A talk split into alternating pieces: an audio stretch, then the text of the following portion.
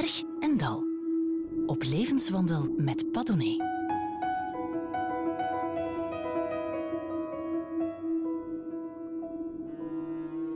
Philip Herwegen is psychiater en dirigent. Die mededeling mag u als Clara-fan als een belediging opvatten.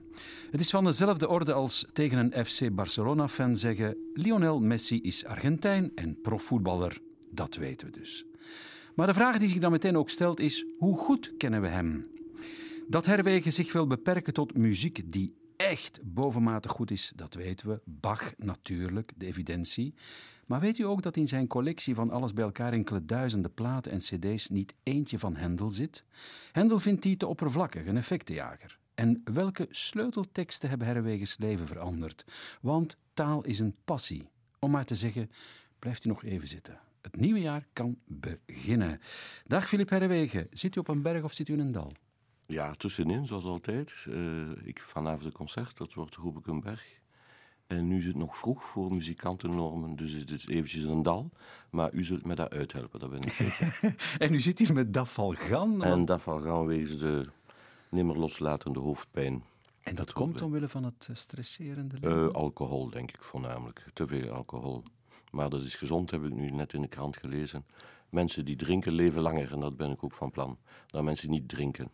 Hoe lang bent u van plan om uh, nog te drinken dan? Wel, mijn vader is overleden uh, twee, drie jaar terug, toen hij 87 was. En dat vind ik een mooie leeftijd. Hij vond dat zelf trouwens ook. En de dag voor hij over, overleden is, speelde hij nog golf. Nu kan ik wel geen golf spelen, maar ik zal tegen dan leren. En ik hoop een beetje zo hetzelfde. Let, zijn lot was prachtig in feite. Een mooie leeftijd toch. En in feite gezond sterven. U komt uit, uit Gent, hè, voor wie dat niet kan horen. Een beetje een vreemde, surrealistische situatie, kan ik me daar voorstellen. U zit dus in die familie van uw vader en uw moeder. De zussen worden in het Frans opgevoed, Filip in het Nederlands. U weet griezelig veel van mij, vind ik. uh, inderdaad, uh, dus mijn, mijn ouders waren uh, van volkse afkomst en hebben in de oorlog, de Tweede Wereldoorlog, bijna honger geleden. En zoals vele mensen van die generatie was een ideaal nogal materialistisch. Gewoon geen honger hebben was al een groot punt. En sociaal vooruit geraken was een tweede punt. En uh, in die tijd, dus in de jaren 50 in Gent, sprak de burgerij nog gedeeltelijk Frans.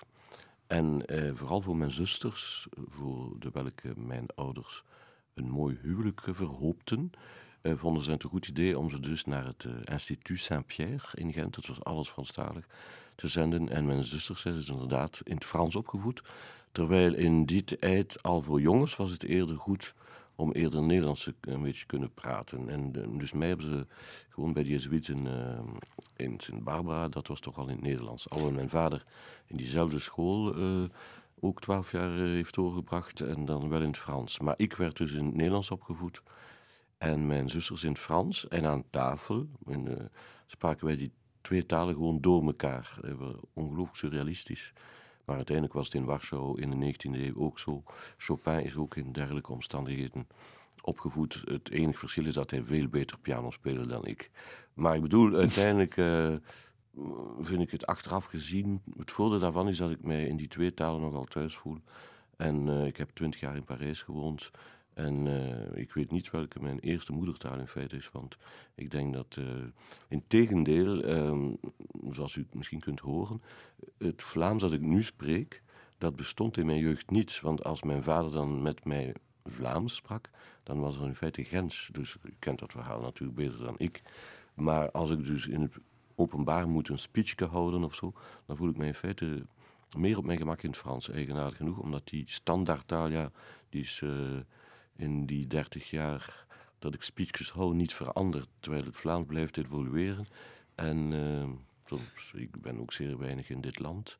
En, uh, maar het is toch een merkwaardig dat die, die zussen van jou eigenlijk, laten we eerlijk zijn, worden voorbestemd om goed te huwen. Hè? Dat was het. Dat was de bedoeling. En het is niet helemaal gelukt in de zin van.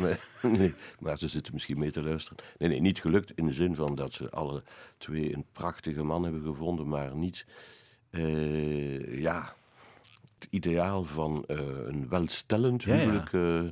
dat, is niet, dat was uiteindelijk niet het ideaal van mijn zusters, want die zijn absoluut niet bourgeois kinderen geworden. Uiteindelijk, zoals, dat was een, zo waren ze gedresseerd in feite om dat te worden en dat is er niet uitgekomen en gelukkig maar. Las jullie, las jullie thuis uit dat boekje waar je nu over uit gaat lezen, een, het heet voluit Kleine Verhalen uit de jeugdige leeftijd, een leerzaam prentenboekje voor gehoorzame en vlijtige kinderen. Kende je dat toen in de familie? Ja, dat, uh, ik, ik heb zo'n collectie boekjes uh, sinds een aantal jaren, uh, sinds twintig jaar, over, laten we zeggen, de opvoeding van de kinderen en de etiketten in de 19e eeuw. Omdat ik vind dat zeer boeiend en zeer charmant en zelfs poëtisch. Dus nu niet dat we daar thuis uit lazen. Maar uiteindelijk uh, zijn mijn zusters bijvoorbeeld op die Institut Saint-Pierre nog opgevoed. Bijvoorbeeld dat ze als mijn moeder, als ze mijn moeder groeten, deden ze dat met een reverence, met een kleine uh, buiging, eh, op een bepaalde manier. Uh, ik weet niet eens of dat die term in het Nederlands bestaat. Ja, ja, een reverence. Een re, ja, een reverence als dat Nederlands is. Ja. Maar ik bedoel, dat hebben die nog geleerd. Dat is toch onvoorstelbaar. En uh, ik heb soms het gevoel dat ik zelf ook nog, en ik ben daar in feite blij mee, de laatste uitlopers van de 19e eeuw in mijn opvoeding heb meegekregen. Uh, in, in, in Barbara, op Barbara, dus die school. En in feite vind ik dat merkwaardig, boeiend, eh, niet oninteressant. En eh, die civilisatie die ondertussen totaal is weggezakt of verdwenen, en dat is ook gedeeltelijk positief natuurlijk, die blijft mij boeien omdat ze mij en mijn hele generatie toch een bepaalde vorm hebben gegeven waar ik moeilijk van los kan komen. We gaan eens luisteren naar een, een stukje uit, uh, ik herhaal het, uh, een leerzaam prentenboekje voor gehoorzame en vlijtige kinderen. Eh, de titel is Lotje in de school. Ook in de school was Lotje steeds een goed voorbeeld voor de andere kinderen. Toen zij pas zes jaren oud was, kon zij reeds vlug lezen en begon zij al aardig te schrijven. Onderscheidene kinderen die ouder waren dan zij, was zij reeds met het lezen vooruitgegaan. En wat elk zo mooi in haar vond, was dat zij nooit trots of hoogvaardig was op haar leren, maar andere kinderen gaarne wilde helpen, als zij slechts kon. Toen er op school examen gehouden werd, moest Lotje voor de heer schoolopziener in een boekje lezen. Dit deed zij zo bevallig dat elk zich daarover verwonderde en er veel behagen in had. En toen de prijzen uitgedeeld werden, kreeg Lotje een heel mooi boekje met fraaie plaatjes erin. Nu kunt gij wel denken hoe blijde zij was en hoe vrolijk en vergenoegd zij naar haar ouders terugkeerde.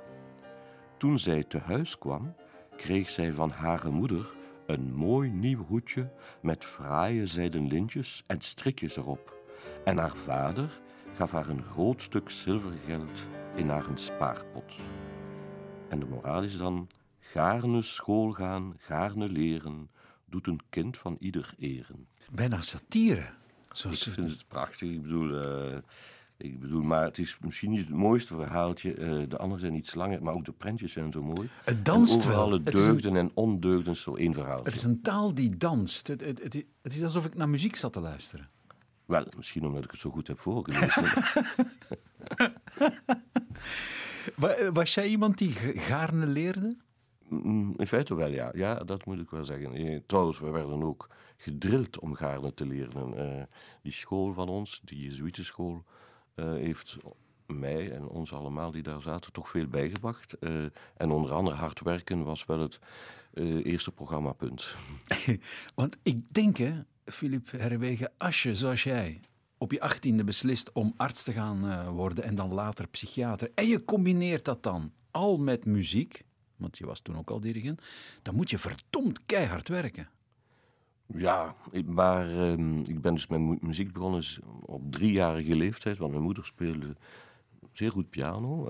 Ze was niet echt professioneel, maar ze kon echt uh, alle studies van Chopin tamelijk goed spelen. En dus van haar heb ik muziek geleerd.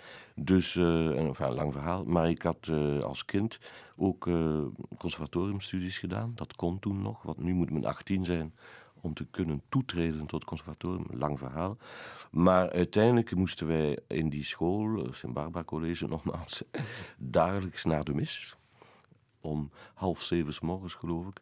En daar, eh, aangezien ik een beetje klavier kon spelen, speelde ik het orgel en ik zong eh, met het schoolkoor dat eh, echt mooie dingen zong onder leiding van een pater Jezuïet, pater Frans Boon, ondertussen overleden, maar die zijn eerste prijs orgel had op het conservatorium. Die school was tegelijkertijd voor mij ook een muziekschool. Er werd dagelijks gerepeteerd.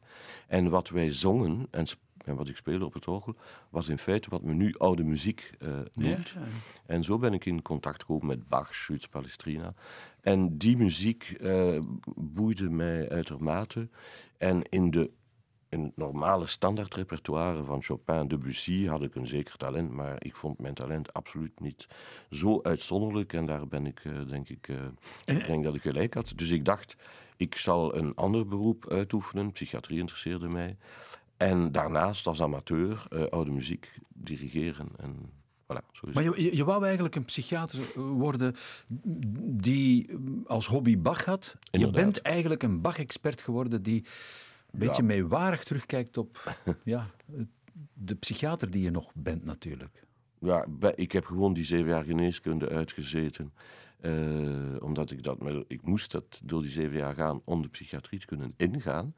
En dan heb ik inderdaad drie jaar ben ik assistent geweest aan de Universiteit van Gent als uh, assistent psychiater. Maar in heel die periode heb ik voornamelijk muziek gemaakt in feite. Behalve in die drie jaar een specialisatie uh, waar ik in feite fulltime uh, moest in het hospitaal zijn. En dan miste ik de muziek zodanig dat ik zei: nee, mijn, mijn uiteindelijke roeping is muziek. Waarom wou jij psychiater worden?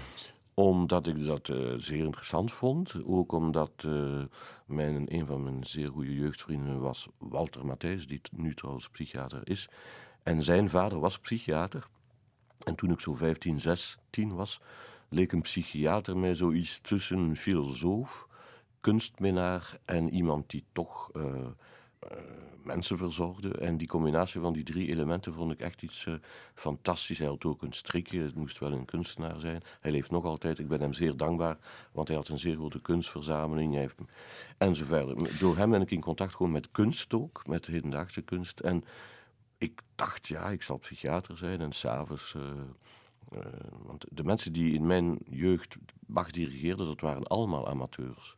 Maar ben jij dat niet een beetje gebleven in de muziekpsychiater? Je hoort wel eens zeggen, dat zullen je ook zeker al hebben meegemaakt uh, na een concert dat je hebt gedirigeerd. Goh, dat, is, dat kan helend zijn. Ja, dat is een, daar kun je dus uh, zeer lang over praten. Persoonlijk geloof ik niet uh, kort te zeggen dat iemand die echt psychisch ziek is, kan geheeld worden door muziek. Ik denk dat iedereen ziek is, of liever ziek niemand is perfect in balans. En gelukkig maar, want dat maakt het leven interessant. En het kan ook zo zijn dat men dusdanig uit balans is dat men het als onaangenaam ervaart. Dat men met andere woorden een beetje ongelukkig is. Ik denk dus dat bij gezonde mensen die uit balans zijn en zich ongelukkig voelen op bepaalde momenten van, uh, van de dag of van hun leven, en dat overkomt ons allemaal, dat inderdaad kunst in het algemeen en misschien in bijzonder muziek ons uh, in een soort uh, gelukstoestand kan brengen die dan, uh, zodra de muziek voorbij is, ook voorbij gaat. Maar dat is mooi genoeg, vind ik. inderdaad, met andere woorden, ik twijfel nooit aan het nut van dat vak van muzikant te zijn, omdat ik weet wat wij muzici inderdaad geven aan het publiek. Uh, daar geloof ik toch, en ook wat we krijgen zelf van de muziek, ik geloof daar heilig in. Ik geloof in weinige dingen heilig, maar daar, ik denk dat dat een nuttig beroep is. En, maar als je nu, we gaan zo dadelijk luisteren hmm. naar het Weihnachtsoratorium, of een stuk uit het Weihnachtsoratorium. Eigenlijk net dat um, deel, die kantate, die wordt gezongen, geloof ik, bij morgen, 6 januari, dan is het Drie Koningen. Mm uh, Herr, wenn die stolzen Feinde schnauben. Is dat nu, als je dat hoort, muziek waarvan je inderdaad zegt: mm, daar kan ik echt uh, van opkiekeren? Wel, ik denk dat een uitvoering van een Bachkantater of van dit oratorium blijkbaar zeer veel vreugde, geluk geeft aan het publiek. Dat merk ik, want we hebben, vorig jaar hebben we dit oratorium nogmaals uitgevoerd. En het komt fantastisch over. En, maar ik zou persoonlijk nooit geneigd zijn om naar die muziek te luisteren thuis. ten eerste ken ik de muziek veel te veel.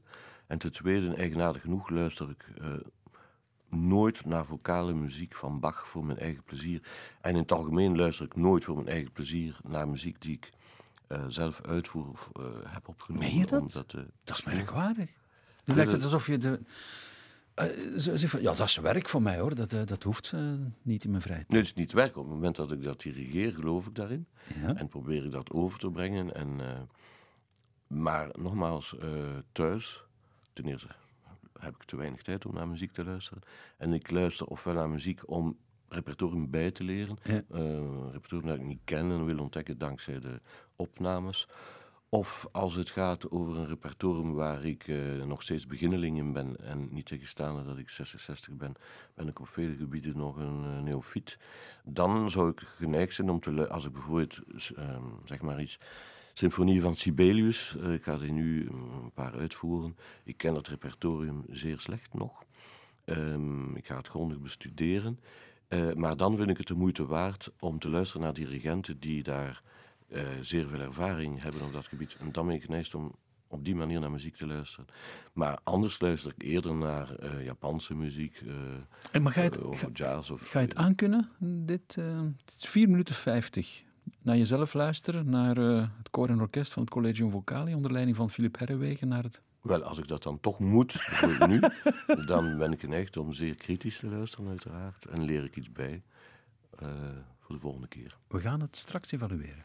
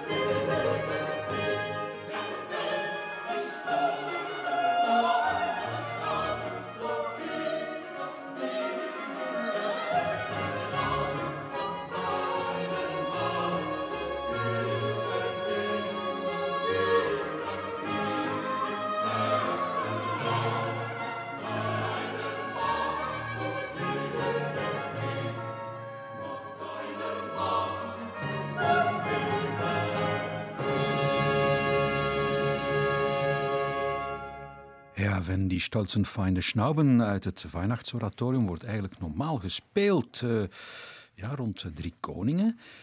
Onder leiding hier van Philip Herwegen, de man die bij mij zit. Philip, het is een opname van bijna 25 jaar oud. Uh, wat denk je nu? Wel, um, ik vind het uh, sterke muziek.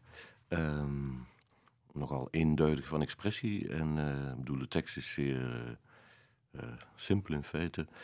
Wanneer de vijand ons bedreigt, bescherm ons, grosso modo. En ik vind expressie wel nog steeds oké. Okay. Ik vind het ook een mooi tempo.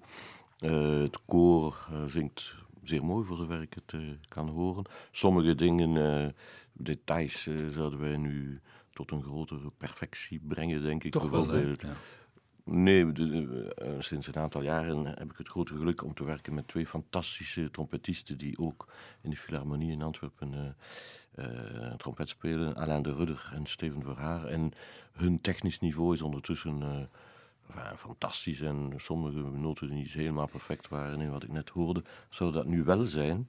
Andere dingen waren toen al fantastisch. De hoboïst Marcel Ponsele speelde toen al fabuleus en nu nog steeds. En...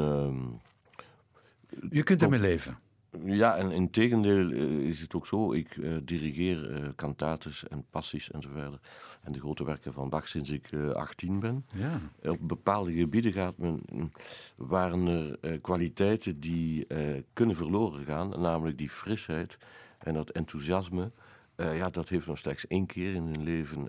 toen ik voor het eerst de Matthäus Passie mocht dirigeren toen eh, was ik daar eh, twee jaar tevoren al uh, mee bezig in mijn hoofd. ik heb enorm die partituur bestudeerd en ik groeide naar die eerste uitvoering dat toe. Zal wel. Maar, dat, nu, en, en, maar Filip, maar inmiddels heb jij de Matthäus-passie bijna 240 keer uitgevoerd. Misschien wel, ja. Zoiets, ja. Ja, ja. Met, ja zeker wel.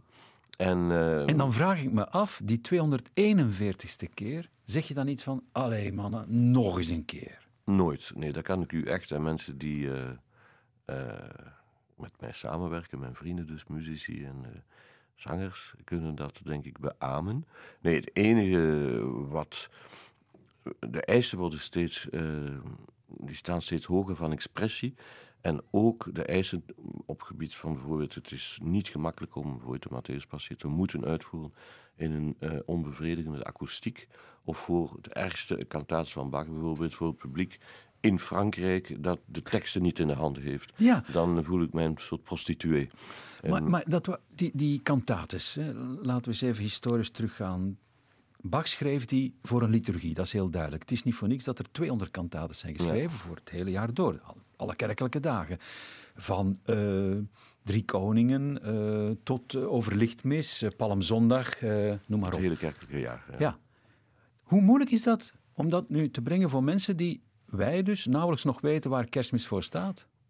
Of Pasen? Ja, en met kerstdag valt dat dan nog mee.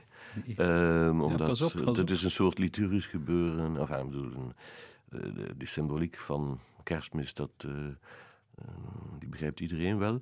Daarom is het ook zo dat uh, een passie zoveel succes heeft, ook bij het niet-gelovig publiek. Want daar wordt een man veroordeeld en onrecht en ter dood gebracht. Dat is iets wat iedereen kan begrijpen. Veel moeilijker is het uh, bij sommige kantates, waarbij de inhoud voor een of ander dogmatisch punt is van de, van de protestantse leer. En ja, dat is dan inderdaad niet gemakkelijk. Ik ben. Ik, ik ben verondersteld om een voorwoord te schrijven. Dat ga ik ook met plezier doen. Voor een boek van Barend Schuurman, een Nederlands dirigent.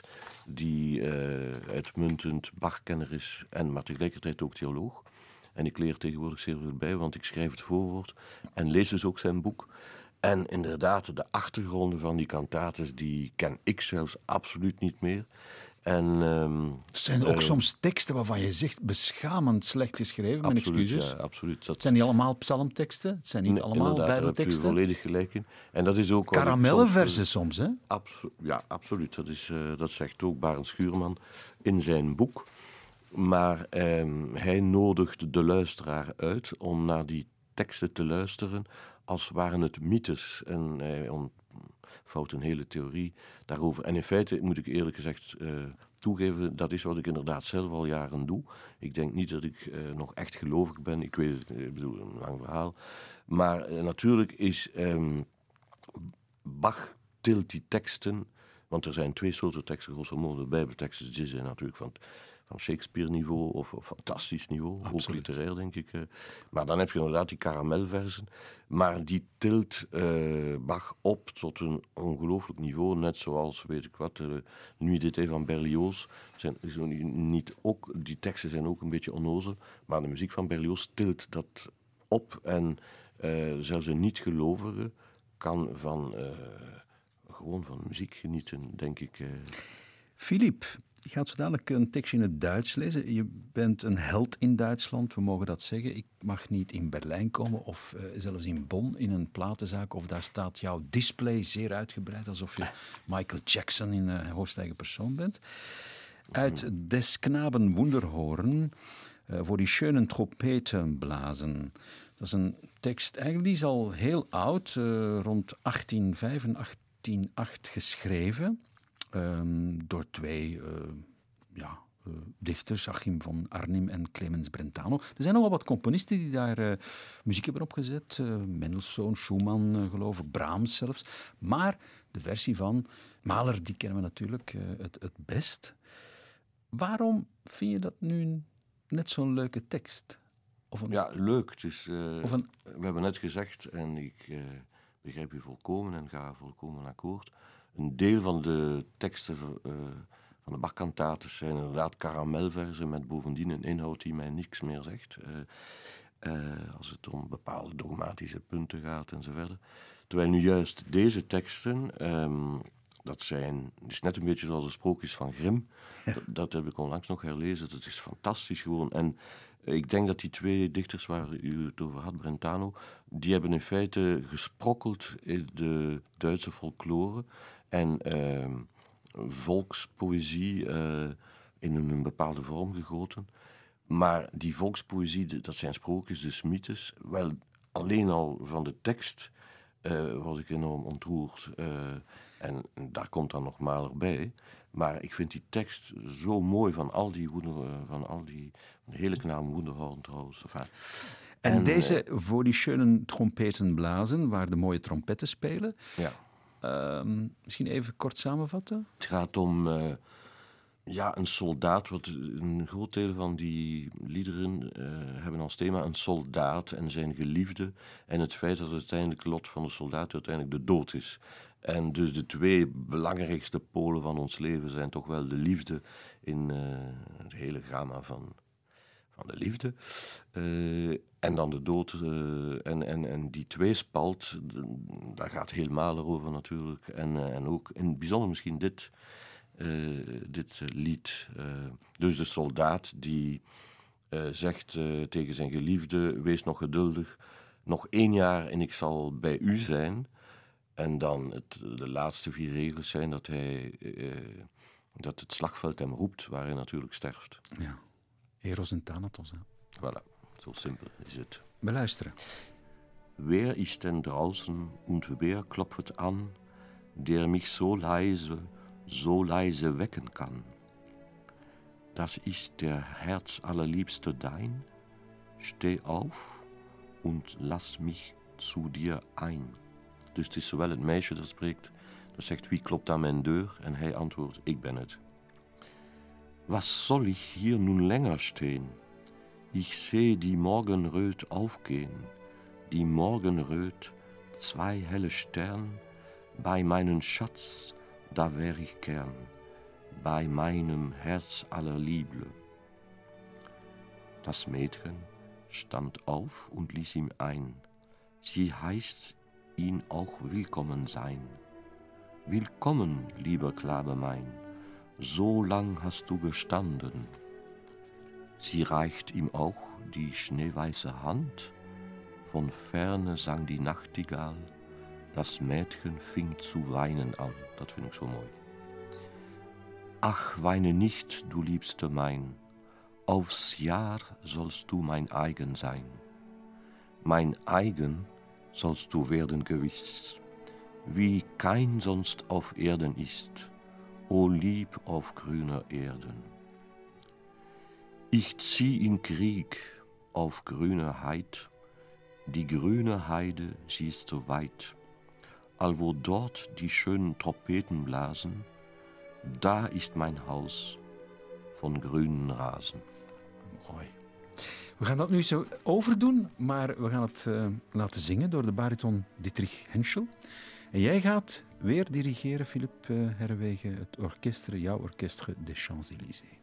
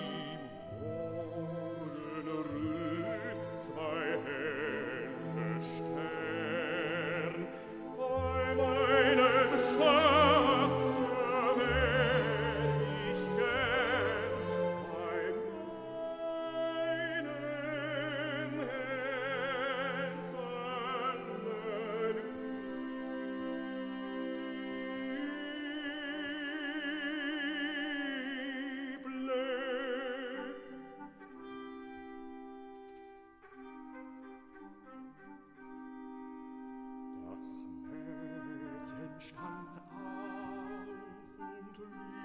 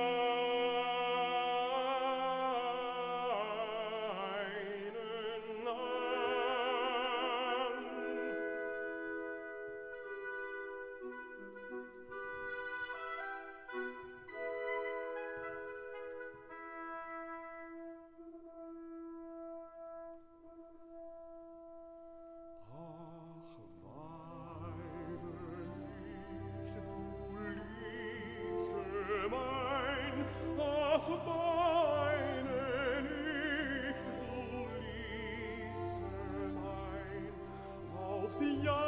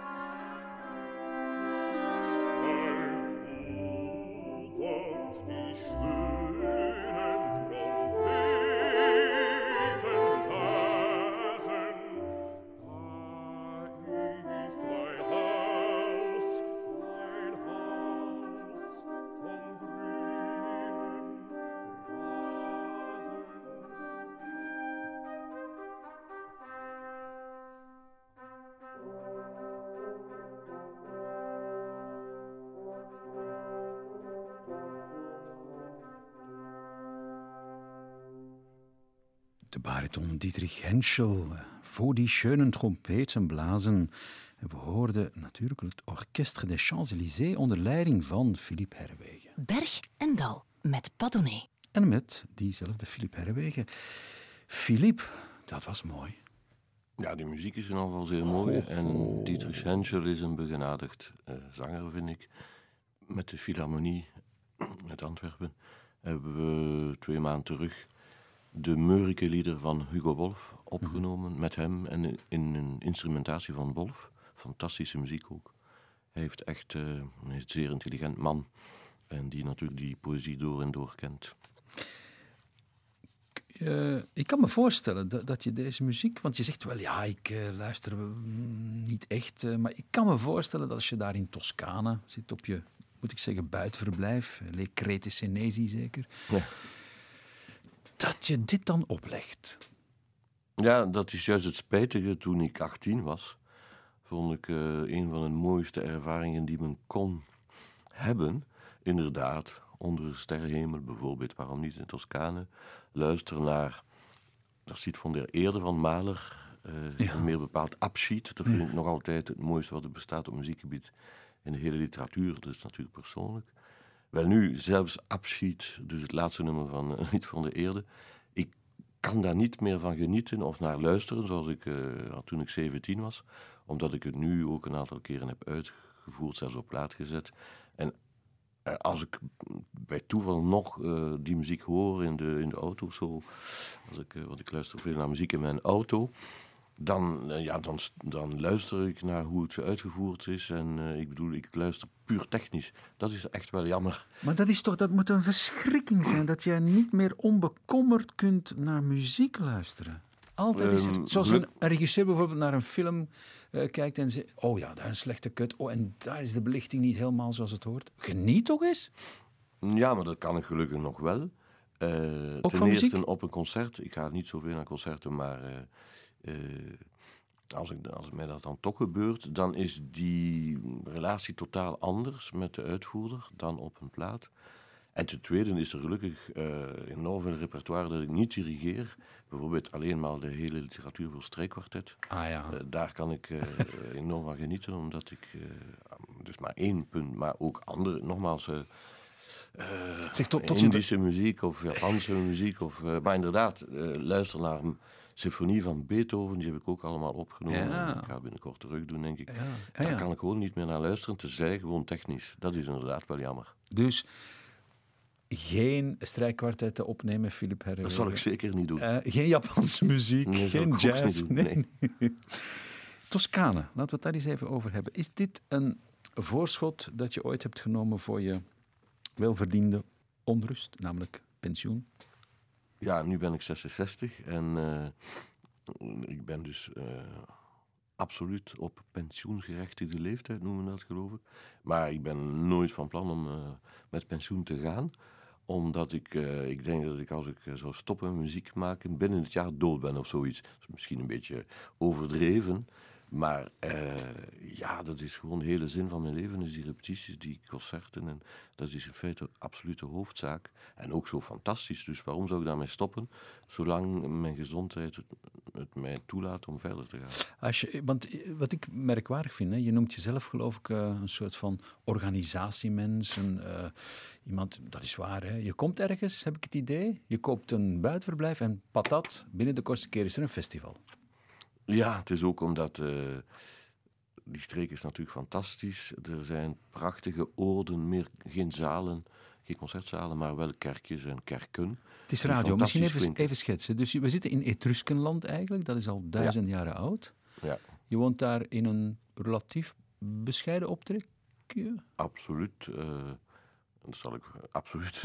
het is een heel klein huisje, maar wel ongelooflijk mooi gelegen. eh, met het huisje moest erbij worden gekocht 23 hectare olijfbomen, dus eh, het is een hele heuvel. En het hele landschap is gewoon een soort eh, paradijselijke. Ik weet niet, mijn geliefkoosde schilder is. U kent hem misschien Patinier, een tijdgenoot van Breugel, zeg maar. En vooral zijn landschappen zijn natuurlijk fantastisch. Meestal is er ook een mythisch gegeven, maar het landschap. Eh, Waar kijk je op uit, Is een soort eh, droom. En ik kijk voortdurend op een patinier uit. Alles stort daar voortdurend beetje bij beetje in, maar het gaat wel over eeuwen gelukkig. Maar eh, wat daar zo mooi is natuurlijk, het licht gewoon. Ja. Je woont daar in een huis van eh, 1560, geloof ik. Ja, het is dan Zoiets. gebouwd. En wonen is een groot woord, want helaas eh, is de bedoeling, zou de bedoeling zijn dat ik halftime of meer daar ben om na te denken, te lezen, te studeren en zo verder. En eh, in de praktijk eh, ben ik er denk ik een maand per jaar in Mm. totaal, Mm. momenteel. Maar goed. We gaan luisteren naar eh Carmichelt. Want je hebt wat met Carmichelt, je hebt ook wat met Bomans. Bomans vind ik iemand die een enorme invloed op mij heeft gehad door zijn humor. Ik heb hem onlangs nog herlezen ook. Ik, ik vind dat denk ik niet een groot schrijver, maar wel een entertainer, zeg maar. Absoluut, ja. Eh, terwijl ik denk, Carmichael is toch een beetje van een ander niveau, op eh, ja. misschien wel literair niveau, nee, denk ik. Vind je niet dat op elke pagina van Carmichelt die je leest een sluier van melancholie hangt? Ongelooflijk. En ook zeer Hollands, toch wel. Eh, een zekere kneuterigheid eh, zit er, blijft er toch in zitten. De, het is geen Dostojevski natuurlijk. Maar toch is het zeer charmant. En ook, het is een genereus man, denk ik, die, die van de mensen hield. Misschien meer dan Bomans, denk ik. Ja, misschien wel. En met veel mededogen. Mededogen. Eh, veel ja, empathie en, eh, voor zijn medemens. En in het bijzonder zijn kleine medemensen. Ik bedoel, mensen Ja, ja. die eh, ja, de alledaagsheid van de dingen moeilijk kunnen overstijgen. Hebben we En daar de- allemaal niet een beetje last van, Filip? Hebben wij daar allemaal niet een beetje last van? Absoluut, maar terzij, ik bedoel, de... Of ga jij swingend en dartel door het leven? Ap, me- eh, on- integendeel. maar ik bedoel, er zijn wel mensen die meer grandeur hebben Ja. dan de personages die hij meestal waar. beschrijft. Daarom is hij ook zo goed in het beschrijven, vind ik, van kinderen. Eh, en het verhaaltje dat ik eh, zo maar gekozen. De moeilijkheid is, eh, ik ga natuurlijk, ik ben een amateur voorlezer en bovendien Vlaams. Terwijl natuurlijk, men moet dat denk ik horen in, dat mooie Hollands, dat, of, eh, dat hij dat zijn taal was. Maar goed, probeer toch maar. Tot Haarlem had ik de coupé in de trein naar Den Haag alleen gehad. Toen kwam een jonge moeder met haar zoontje op de bank tegenover mij zitten. Het jongetje, dat blond was en een jaar of vier, had zijn beer bij zich en, na spoedig bleek, ook zijn dropjes. Hij keek mij even schattend aan en zei toen: Ik ga naar Den Haag, slapen bij mijn oma. Ik onderga het altijd als een onderscheiding wanneer een kind na een blik op mij te hebben geworpen, niet spontaan in schreien uitbarst, maar het woord tot mij richt. Dat is fijn, zei ik. Moet jij ook naar Den Haag? vroeg het jongetje. Ja, zei ik. Ook naar je oma? Nee, naar mijn moeder. En naar je vader? vroeg hij. Nee, zei ik. Waarom niet? Nou, mijn vader is al lang dood, antwoordde ik. Is hij doodgeschoten? vroeg hij. Gelukkig niet, zei ik. Hij is gewoon doodgegaan. Hij wees opeens geestdriftig naar buiten en riep: Een happert. Dat is blijkbaar een graafmachine in het Hollands. Dus hij wees opeens geestdriftig naar buiten en riep: Een happert. Ik heb thuis ook een happert, stelde hij behagelijk vast. En mij aankijkend: Wil je een dropje? Ik eet nooit drop, zei ik, maar ik weet van mijn kleinzoon dat drop erg lekker is. Hij nam er zelf een. Het was een enorm grote drop die hem als conversatiepartner eventjes buiten gevecht stelde. En zo gaat het door. Ja, Karmichelt. Filip Herwegen, is het vloeken in de kerk als we nu samen met jou gaan luisteren naar Astor Piazzolla?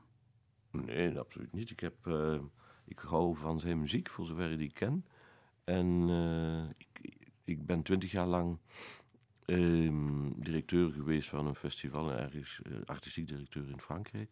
Ik heb die man nog ontmoet en in die tijd nodigen we ook veel muzikanten uit, uh, dat soort muziek uit. En ik, ik vond het fantastische muziek altijd.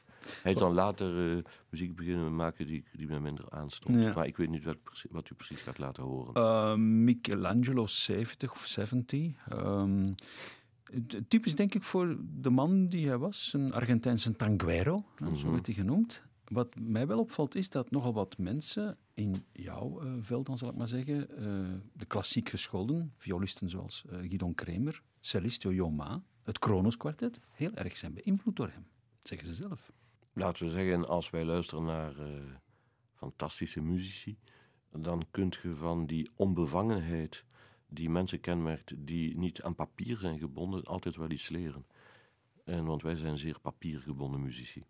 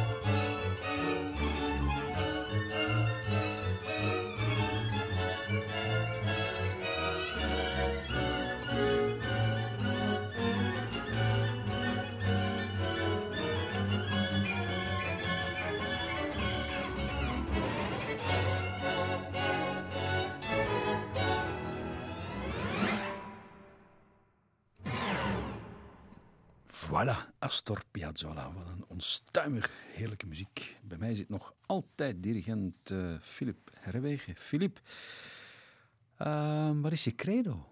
Ja, ik heb niet zo één slagzin of zo. Of, uh, jawel, ik heb er wel één. Ik hou nogal van woordspelletjes. En mijn uh, lijfspreuk is niets boven onder de douche. maar dat is natuurlijk niet een credo waar men een leven Jawel. kan opbouwen. Niets boven onder de douche lijkt me leuk. Niet slecht, hè? Nee, nee, nee. Maar voor de rest, ik weet niet... Je hebt mij die vraag gesteld uh, hmm. tijdens het muziekje van Piazzolla, heb ik nagedacht. Ik denk, we zijn allemaal zo een mengsel van slijk en goud. Het beetje goud dat ook zelfs ik in mezelf heb... Uh, misschien een beetje met de muziek verbonden. Uh, zou ik verder willen zo eerlijk en zo goed mogelijk in de realiteit implementeren, zo, in zover mijn gezondheid dat mij toelaat en het beetje talent dat ik misschien toch wel heb. En als dirigent uh, bijvoorbeeld hoort daarbij helpen die muziek uh, te implementeren in de, in de grijze realiteit. En bijvoorbeeld een mooi project is de Philharmonie in Antwerpen.